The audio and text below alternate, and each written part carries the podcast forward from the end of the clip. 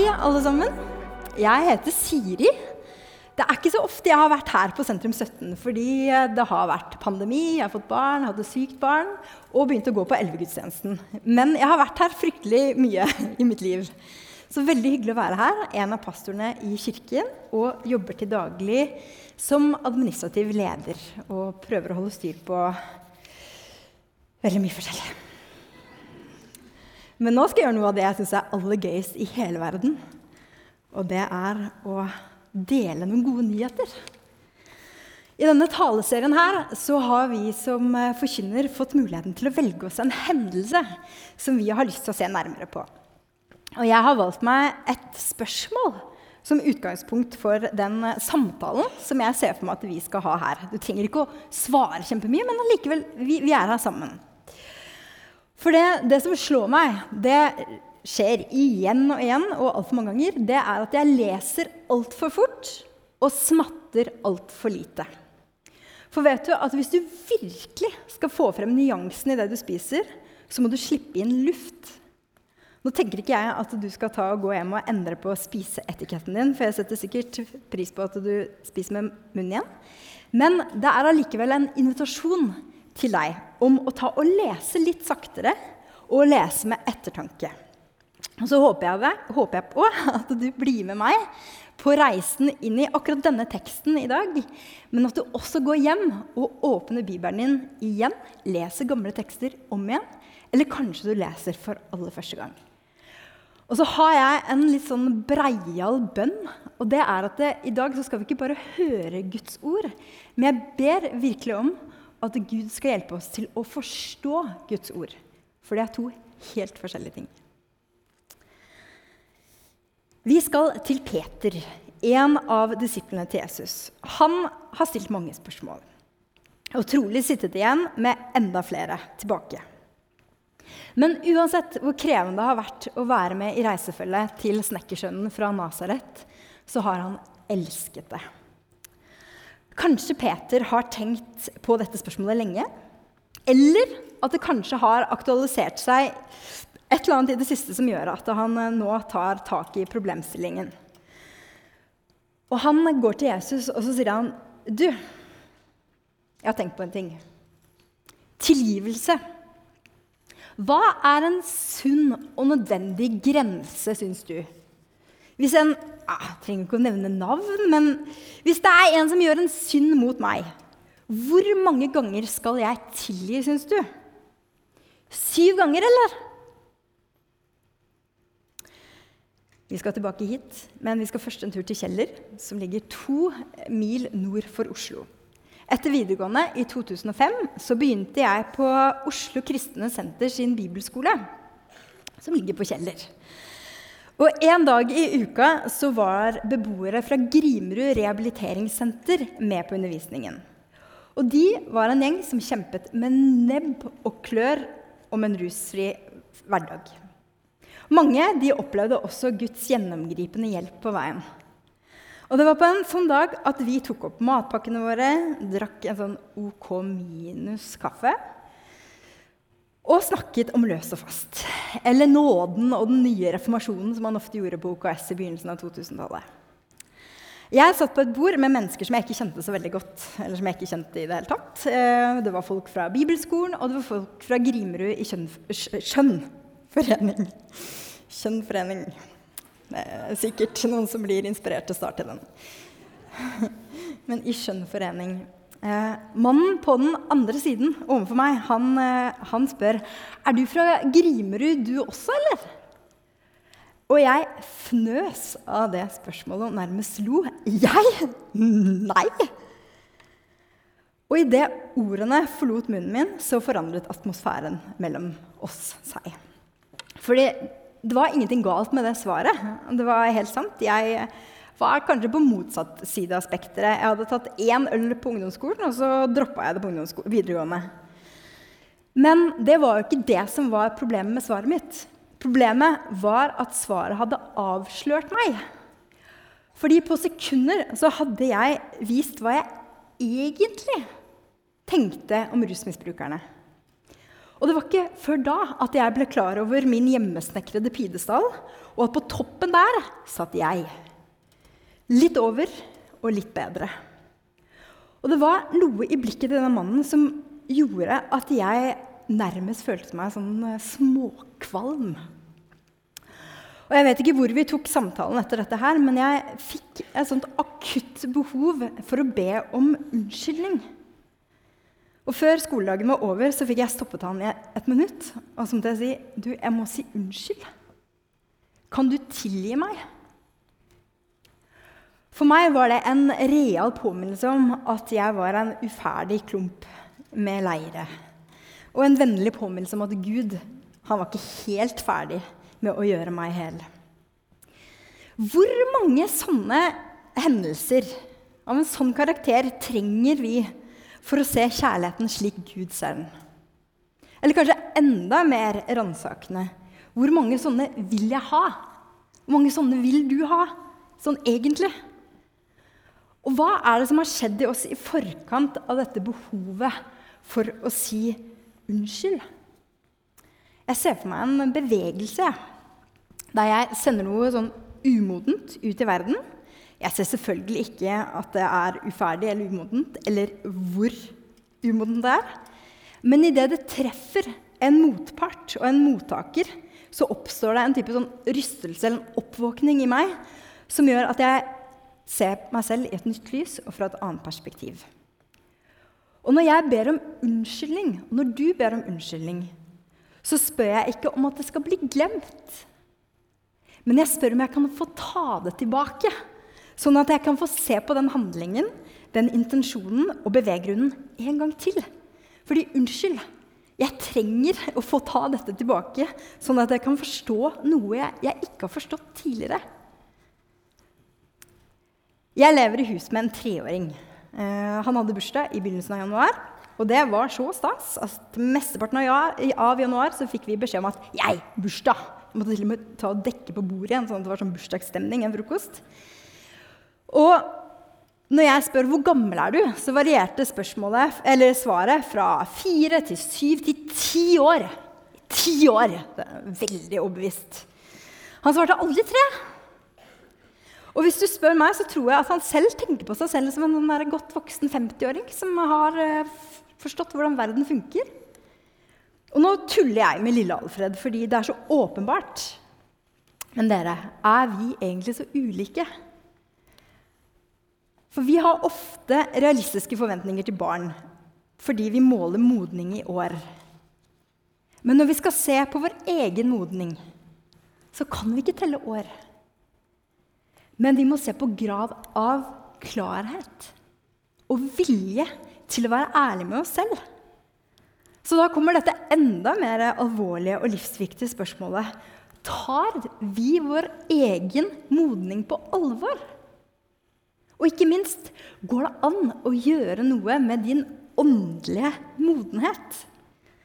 Er det noe som vi kan gjøre i dette ganske trauste og alminnelige hverdagslivet vårt som gjør at det foregår en reell vekst inni oss. Vi går til Matteus kapittel 18, og vi må høre hva Jesus svarer Peter. Vi tar opp tråden. Peter spør Jesus om hvor mange ganger han synes han skal tilgi en bror. Syv ganger? Ikke syv, svarer Jesus. Digg. Kanskje bare én gang, da. Eller maks to. Det får være måte på, eller? Så får Jesus oppmerksomheten din til Peter. Følg med nå, Peter. Ikke syv. 70 ganger syv. I jødisk tradisjon så er tallet syv det som brukes for å betegne det som er fullkomment og fullstendig. Hvordan ser en slik fullstendig fullkommenhet ut? Peter har telt mye fisk i sitt liv.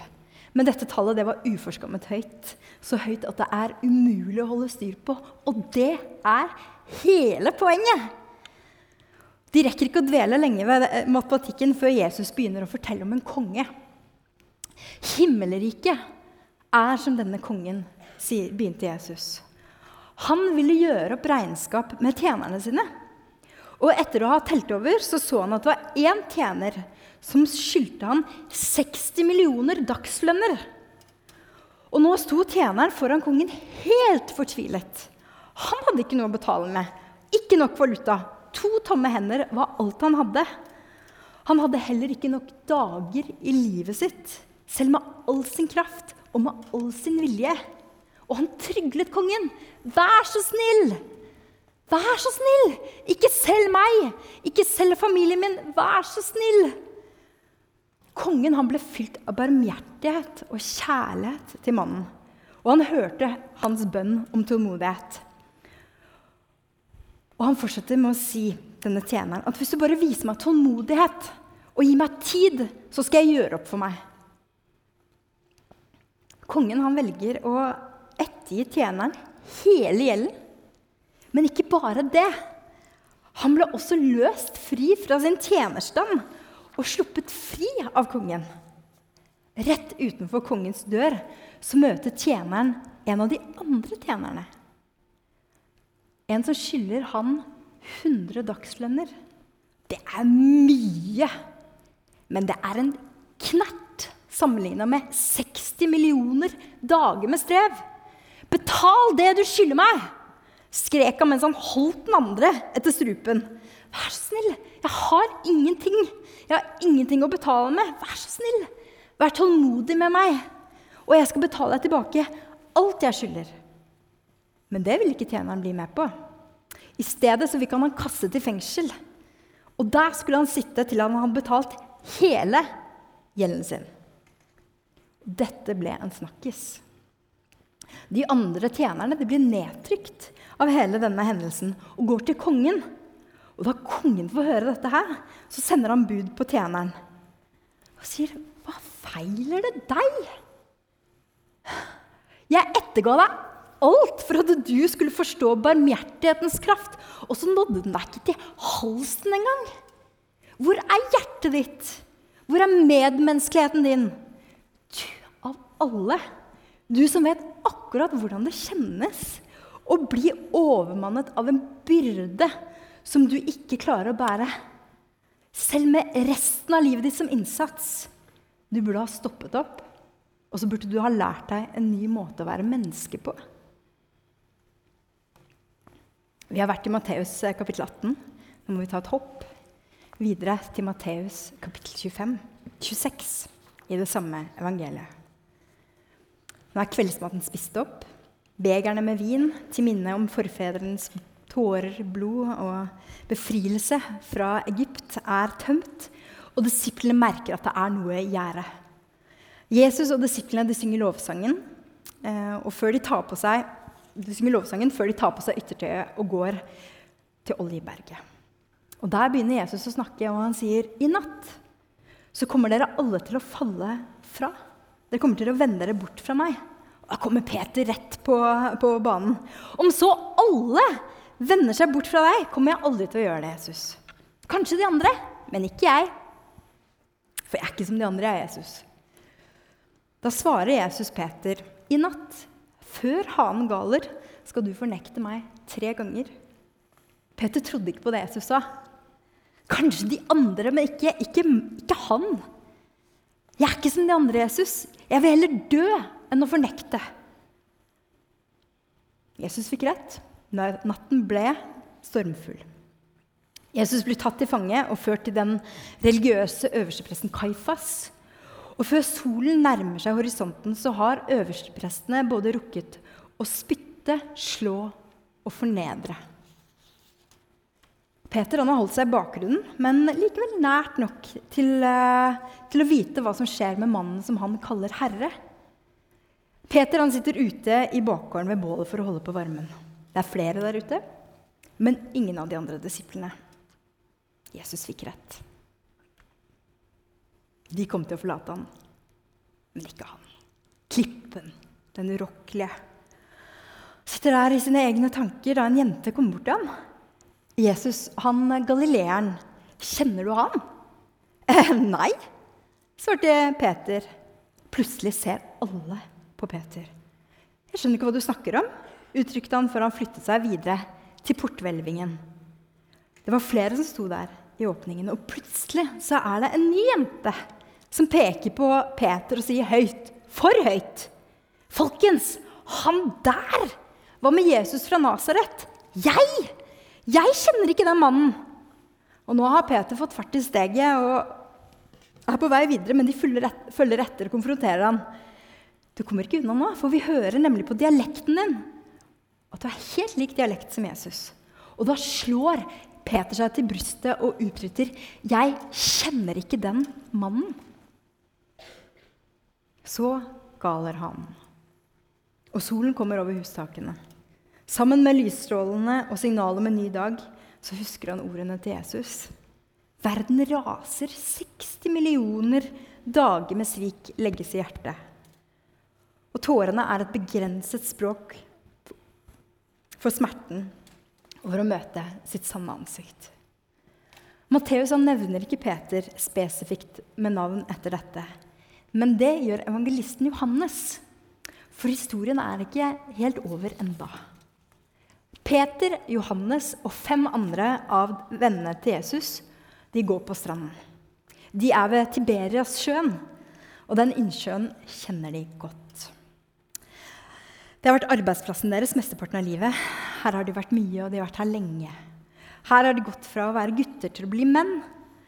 Og på dette vannet så har de opplevd forsørgelse, kallelse, mirakler og brorskap.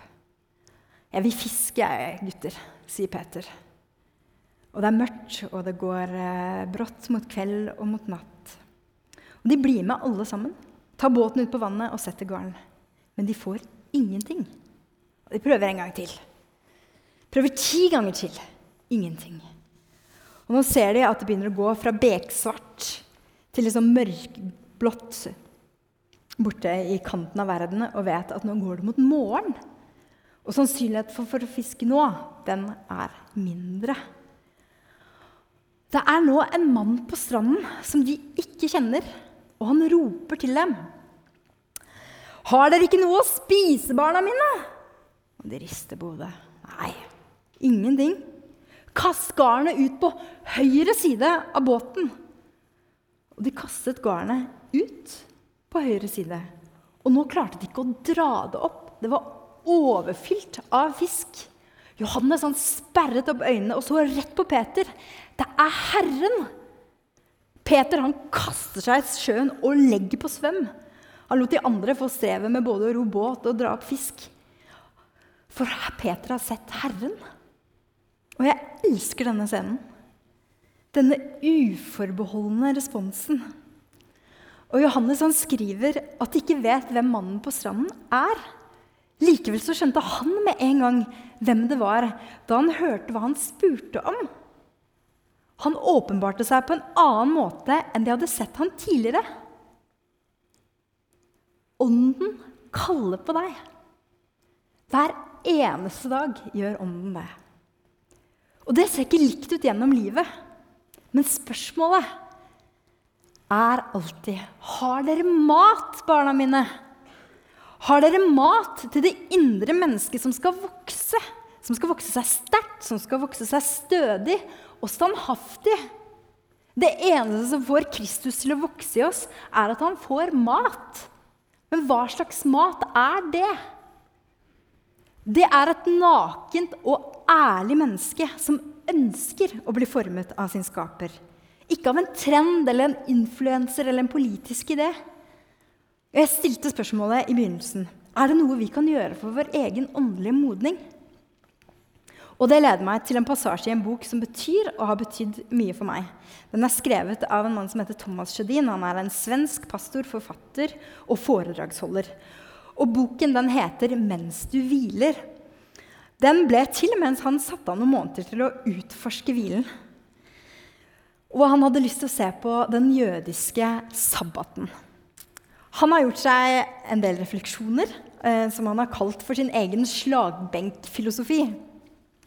Og det syvende punktet i en liste på åtte har denne overskriften. Gud står utenfor tiden. Gud står utenfor tiden. Jeg siterer I den tanken ligger det mye håp. Det nye testamentet har to ord for tid. Det er kronos og kairos. Kronos er den nøytrale tiden. Det er dagene, nettene, timene og minuttene som bare går. Kairos, det er Guds tid. Den evige tiden. Det kan hende at vi, når tiden vår er forbi, blir truffet av en lignende stråle av tid som nonne Therese beskriver når hun i et brev trøster en urolig medsøster. Det forekommer meg som om Gud ikke trenger en årrekke for å utføre sitt kjærlighetsverk i en menneskesjel. En stråle fra hans hjerte kan i et øyeblikk få blomsten til å springe ut for hele evigheten. Gud trenger ikke en årrekke for å utføre sitt kjærlighetsverk i en menneskesjel. Thomas Judin skriver også om et amerikansk tidsskrift som ba leserne sine sende inn den setning, setningen som de synes var aller mest trøstende, den de aller helst ønsket å høre og trengte å høre. Og Det kom inn flere tusen svar på det spørsmålet. Og jeg har lyst til å bruke de tre setningene som kom øverst, til å undersøke det jeg har lyst til å formidle nå. På førsteplass kom kanskje ikke overraskende 'Jeg elsker deg'. Å elske og å bli elsket. Det er det fineste å si, og det er det fineste å høre. Og jeg tror at kjærligheten kan lappe sammen det umulige. Men å elske, folkens, det er et verb. Det er, et, er ikke et ord uten innhold. Med å elske så følger det måte å tenke, føle og handle på. Og Peter han trodde at han elsket Jesus på ordentlig, men det gjorde han ikke. Og livet ga han en mulighet til å se på det igjen. Og etter at Peter har kommet inn til stranden. Han har svømt seg ferdig og kommet inn der. Og spist frokost, så går Peter og Jesus til siden for å ha en viktig prat. Han blir stilt det samme spørsmålet tre ganger. Og tallet tre det symboliserer livets tre enheter. Om ånd og tanke og kropp, fortid, nåtid og fremtid. Mor, far, barn, fødsel, livet og døden. Simon, sønn av Johannes, elsker du meg mer enn disse? spør Jesus. Og det er to ting ved det som jeg synes er innmari rart ved det spørsmålet. For det første så sier Jesus, 'Elsker du meg mer enn disse?' Mon tro om Jesus henvender seg til Peter på hans språk. Et språk som er gjennomsyret av hierarki, sammenligning og posisjoner. Er det så viktig om han elsker mer eller mindre? Ikke for Jesus, men for Peter er det det. Fordi han er en stolt mann. Og det er den manglende ydmykheten som gjør at han i det hele tatt har denne samtalen. Og Derfor så spør han igjen, 'Elsker du meg?' 'Du vet at jeg elsker deg', svarer Peter. Jesus ber han om å la kjærligheten synke enda et hakk lenger inn og enda et hakk ned. Bry deg om brødrene dine. Mat dem med mat fra Gud. Peter, sønn av Johannes, elsker du meg? La kjærligheten synke enda et hakk lenger inn og enda et hakk lenger ned. Nå må du passe på brødrene dine. Hjelp dem å finne veien. Vis retningen som leder til Gud. Det andre som jeg har stoppet opp, er dette. At hver gang Jesus spør Peter om det er ekte kjærlighet, så henvender han seg til Simon, sønn av Johannes. Vet du hva navnet Johannes betyr? Det betyr 'Gud er nådig'. Du, Peter, sønn av Gud som er nådig, elsker du meg? Den neste setningen som mange opplever som den aller mest trøstende, eller den de helst har lyst til å høre og trenger å høre, er 'Jeg tilgir deg'. Det greske ordet for tilgivelse kan også formuleres å slippe fri, å gi slipp på og å legge igjen. Så hvordan vokse dere? Vi må se oss selv, ikke sammenlignet med noen andre. Men du må møte deg og ta en sånn vennlig alvorsprat. Hvor mange ganger da? må jeg se på meg selv? Syv ganger, eller? Nei, 70 ganger syv. Sagt på en annen måte utallig mange ganger. Eller enda mer presist så mange ganger du trenger for å virkelig forstå hvordan du og andre henger sammen, og hvordan det legger fundamentet for hvordan vi handler og utfolder oss i verden. Hver eneste dag så skjer det hendelser både inni deg og rundt deg som du kan bruke til å se en ekstra gang. Hos meg gjør det i hvert fall det. Noen dager syns jeg det er fryktelig mange sånne hendelser. Må meg må ta en alvorsprat med meg. Er jeg nedlatende nå, eller er jeg stolt? Legger jeg skylden på andre? Legger jeg ansvaret for livet mitt på noen andre? Hvorfor uh, lar jeg ikke folk merke at jeg elsker de så høyt som jeg faktisk gjør? Og det er bare første delen av jobben. For det, de spørsmålene de handler jo bare liksom om å avdekke fallgruvene. Det neste og viktigste spørsmålet er hvorfor. Hvorfor gjør jeg det? Og hvorfor er et fantastisk utgangspunkt. Som et eksempel uten at jeg skjønner hvorfor jeg trenger å være bedre eller dårligere enn noen andre, vil det gjenta seg så mange ganger til at jeg virkelig skjønner at vi er søsken. Like høyt elsket og like høyt villet av Gud, alle sammen. Og jeg er, som eh, mange av dere sikkert vet eller har en fordom, så er jeg eh, rimelig fan av kirkelige aktiviteter og fellesskap. Men jeg er 110 overbevist om at det som sterkest preger og former vår egen åndelige modning, det skjer utenom disse punktene i kalenderen. Og det er gjerne i de der små, små hendelsene og små nyansene der jeg blir konfrontert i porthvelvingen. Vet jeg hvem Herren min virkelig er? Hvorfor vet Jesus at Peter kommer til å si at han ikke kjenner ham? Fordi at det er faktisk det som er sant. Peter vet ikke på ordentlig at han står overfor Gud selv. For hadde han virkelig erkjent det, ned til, knæ, ned til tærne og inn i margen, da ville han ikke ha veket. Det viktigste blir derfor ikke for oss å liksom se på at Peter fornektet Jesus. Men hvorfor gjorde Peter det? Og svaret på hvorfor det kan vi finne i at, at Peter han hadde ikke blikket sitt bare festet på Kristus. Han var også opptatt av alle andres blikk på seg selv. Han er enkelt og greit relativt selvopptatt. Og Derfor så trengte det å smelle sånn skikkelig i porthvelvingen, med sol og med hanegal, sånn at neste gang stiller han spørsmålet sitt annerledes. Jesus, hvor mange ganger skal en bror tilgi meg? Det er ikke sviket Peter må se på.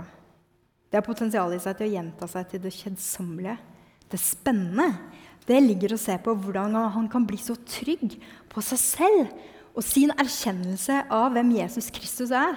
Sånn at det er ett fett hva folk måtte mene både om det og om ham. Som vi har snakket om, så har Jesus og Peter en viktig samtale på stranden. Jeg har vært litt bortenfor de andre, og den avsluttes med at Jesus oppsummerer ved å si og minne Peter om hva som er det viktigste. Du må følge meg, Peter. Du må følge meg. Og ikke lenge etterpå legger Peter merke til at Johannes plutselig også er der. Da Peter får se ham, så sier han til Jesus, 'Herre, hva skal skje med han?' Blikket var der, og så bare Ikke syv, men jeg sier deg 70 ganger syv. Den første setningen var 'Jeg elsker deg'. Den neste var 'Jeg tilgir deg'. Er du klar for den siste setningen? Vi må tilbake til Tiberiassjøen. Etter en fånyttes natt ute i fiskebåten så ber den fremmede mannen på stranden dem om å kaste garnet på den andre siden. Kast garnet på den høyre siden, sa han. Å snakke om tilgivelse, sånn som jeg har drista meg til å gjøre i dag, det skal, ikke gjøre, det skal ikke gjøres lettvint. Jeg tror at vi alle har erfaringer på ulike måter med dette, og erfaringer som vi må jobbe oss igjennom og reise oss fra. Og vi har også trolig gjort ting mot oss selv og andre som vi ikke har skjønt rekkevidden av. Og jeg ønsker ikke på noen som helst måte å bagatellisere arbeidet med å kunne tilgi eller om å be om tilgivelse. Men jeg har likevel innmari lyst til å forkynne det Jesus sa til vennene sine som sto der med garnet sitt og stanget mot en vegg. Her har dere stått lenge nok. Det hjelper ikke hvor lenge du står her. Det leder ikke frem. Du må kaste garnet på andre siden. Du må skifte standpunkt. Fra hva den andre har gjort feil, til hva du kan gjøre rett. Og jeg vet ikke hvor båten til disiplene var i forhold til stranden. Men det kan jo være at de fikk fisk når de sluttet å nistirre på den der svarte sjøen og i stedet ble tvunget til å se mot land og mot bålet som plutselig hadde blitt fyrt opp uten at de hadde fått det med seg. Og nå hører de mannen rope til dem. Kom! Maten er klar! Jeg elsker deg. Jeg tilgir deg. Maten er klar. Kom og spis. Tenk at en så enkel setning, og så hverdagslig setning, som at maten er klar, kan bety så mye.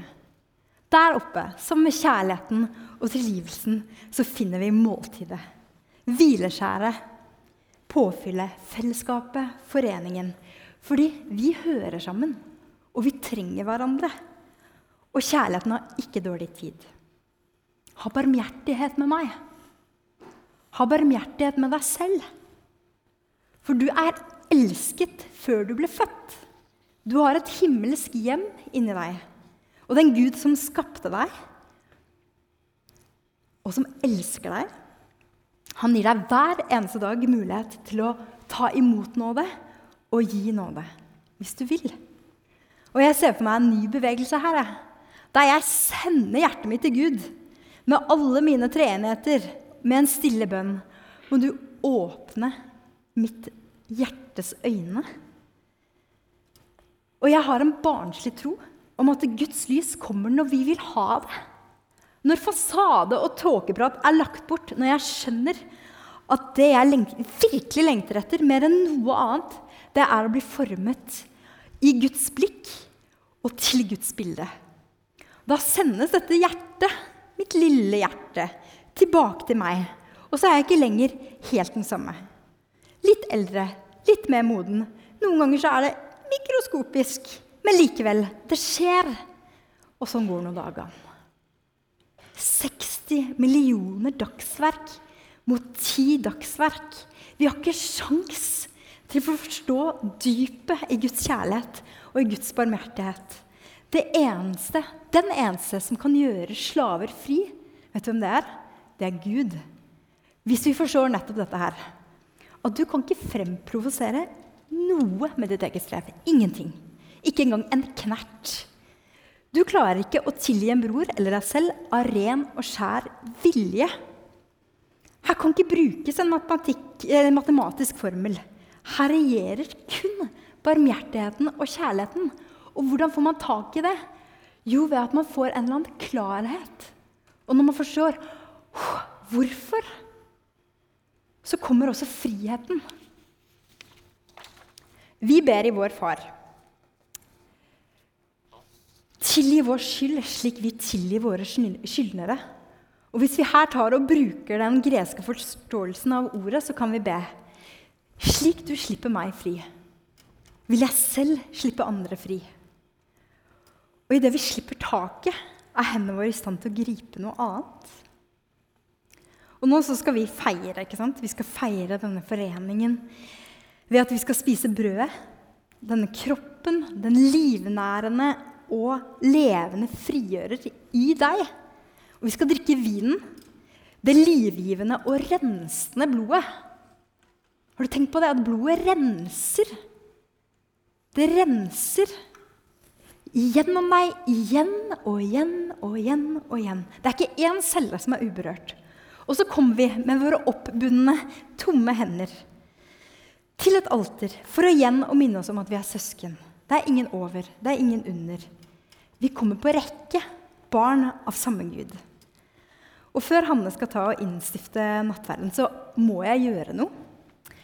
Fordi jeg har forberedt meg til denne søndagen, og jeg, jeg vet jeg er i en pinsekirke, men jeg har rett og slett kjent på et sånt trykk Jeg har kjent på et skikkelig trykk inni meg av at det er et eller annet Gud ønsker å gjøre.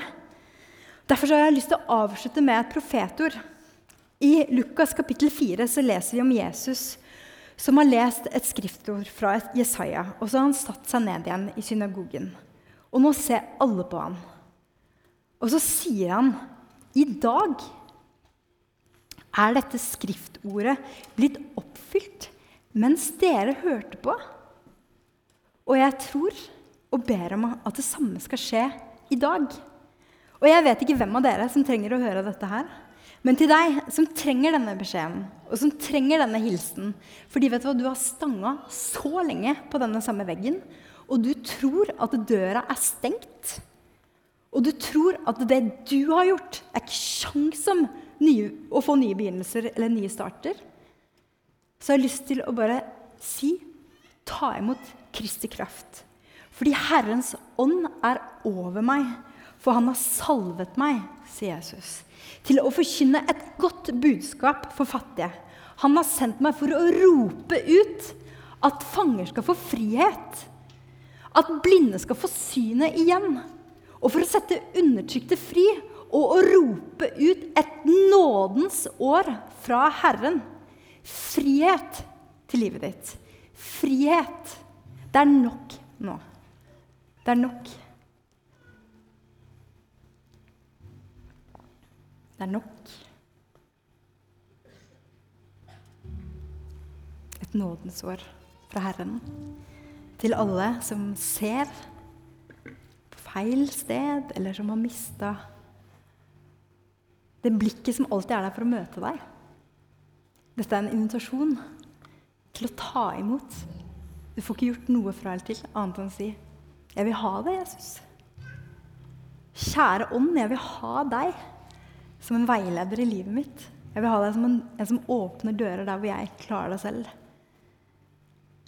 Og jeg tror at Gud vil gjøre det. Amen.